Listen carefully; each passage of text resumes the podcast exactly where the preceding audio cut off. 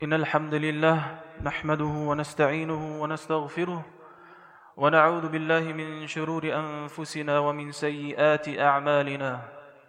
من يهده الله فلا مضل له ومن يضلل فلا هادي له. وأشهد أن لا إله إلا الله وحده لا شريك له وأشهد أن محمدا عبده ورسوله. يا أيها الذين آمنوا اتقوا الله حق تقاته ولا تموتن إلا وأنتم مسلمون Al lovprisning og taknemmelighed tilkommer Allah subhanahu wa ta'ala en og alene, og vi sender vores fred og velsignelse på profeten sallallahu alaihi wasallam, på hans familie, hans ledsager, og på dem, som følger ham indtil yom al-qiyamah. Vi lever i den her verden i en meget kort periode. Nogle af os lever 60 år, nogle af os lever 80, nogle 30, nogle 2 måneder. Det er meget forskelligt, hvad Allah subhanahu wa ta'ala har gjort til vores qadr. Det her liv, det er ikke vores endedestination. Det her liv, det er midlertidigt. Det er kort for nogen, og lidt længere for andre. Nogle mennesker vælger at leve på en måde, og nogle andre, de vælger at leve på en anden måde. Nogle, de vælger at have iman, og der er nogen, de vælger at äh, lave kufr på Allah subhanahu wa ta'ala. Vi er forskellige, og oh, Allah subhanahu wa ta'ala, han har skabt os til at være forskellige.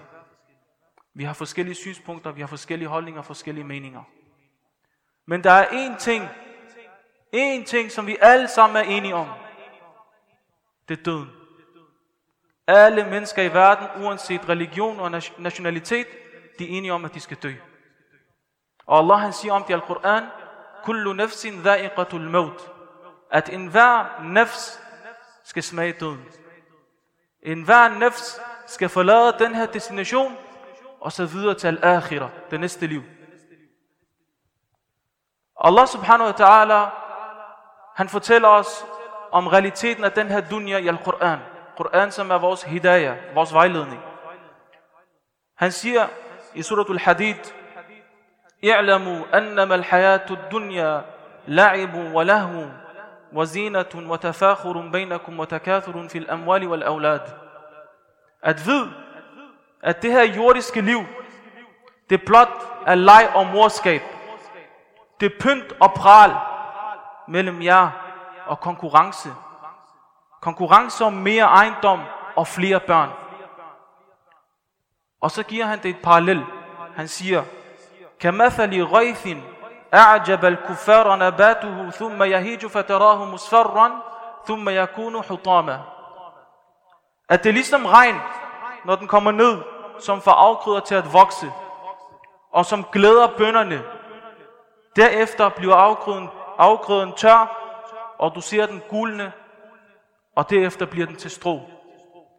Og så siger han, وفي الآخرة عذاب شديد ومغفرة من الله ورضوان وما الحياة الدنيا إلا متاع الغرور At det her liv, eller i, i det næste liv, der finder man hvad? Allahs straf, eller hans maghfirah, hans tilgivelse. Og vid, at det her liv, det er ikke andet end bedrag. Så Allah han fortæller om realiteten af den her verden. Han siger til os, at det er leg og morskab. For hvem? For dem, som prioriterer det her liv. Dem, som prioriterer det her liv i stedet for al-akhirah. For dem er det leg og morskab. De hygger sig, de har det godt. De bliver suget ind i og optaget af, hvad de laver. De lever et liv med værtslige mål. De har ikke et mål om akhirah. De er ligeglade med Jannah og Jahannam. De bliver opslugt i deres karriere, deres penge og deres børn. Og de glemmer at i hukom Allah subhanahu wa ta'ala. De lever et liv uden formål. Og hvad sker der?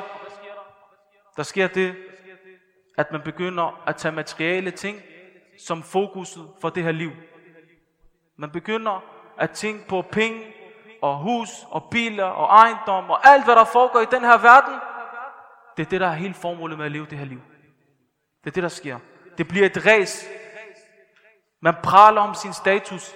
Man praler om sine børn, der får uddannelse. Det bliver et ræs om at uddanne sine børn for hvad? For at opnå status i den her dunya. Men ikke for at opnå det bedste liv i al-akhirah. Og det er Jannah. Alt sammen værtslige ting. I stedet for, at med alle de her ting, så har man også et ræs om akhira. Fordi med alle de her ting, så kan du vinde akhira.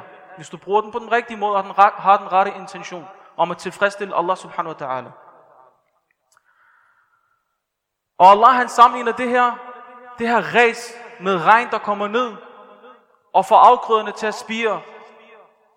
Og han tager det fra de her bønder, som bliver glade og har kæmpet hele deres liv, for at de får de her afgrøder til at spire, for at de kan tjene til deres familier. Og han tager det fra dem på et splitsekund. Han tager det fra dem på et splitsekund. Fordi hvis Allah han vil, så spiger det ikke. Og afgrøderne de bliver gule, og de bliver til strå og intet værd.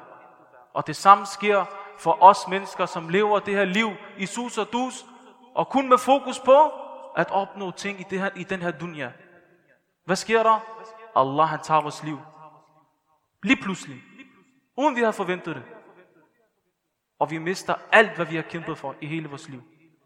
Og lige pludselig så finder du ud af, når du ligger i din grav, det var faktisk spild. Det hele var spild. Fordi nu,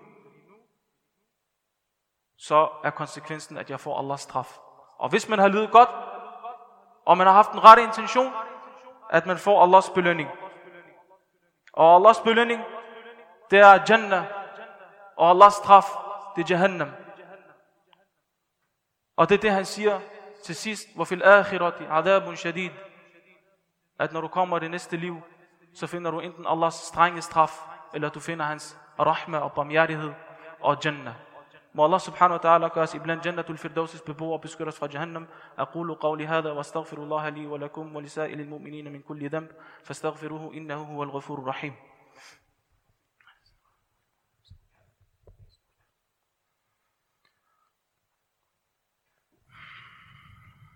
الحمد لله والصلاة والسلام على رسول الله وعلى آله وصحبه ومن والاه Profeten sallallahu alaihi wasallam han siger til os i en hadith han har sagt det til Abdullah ibn Umar.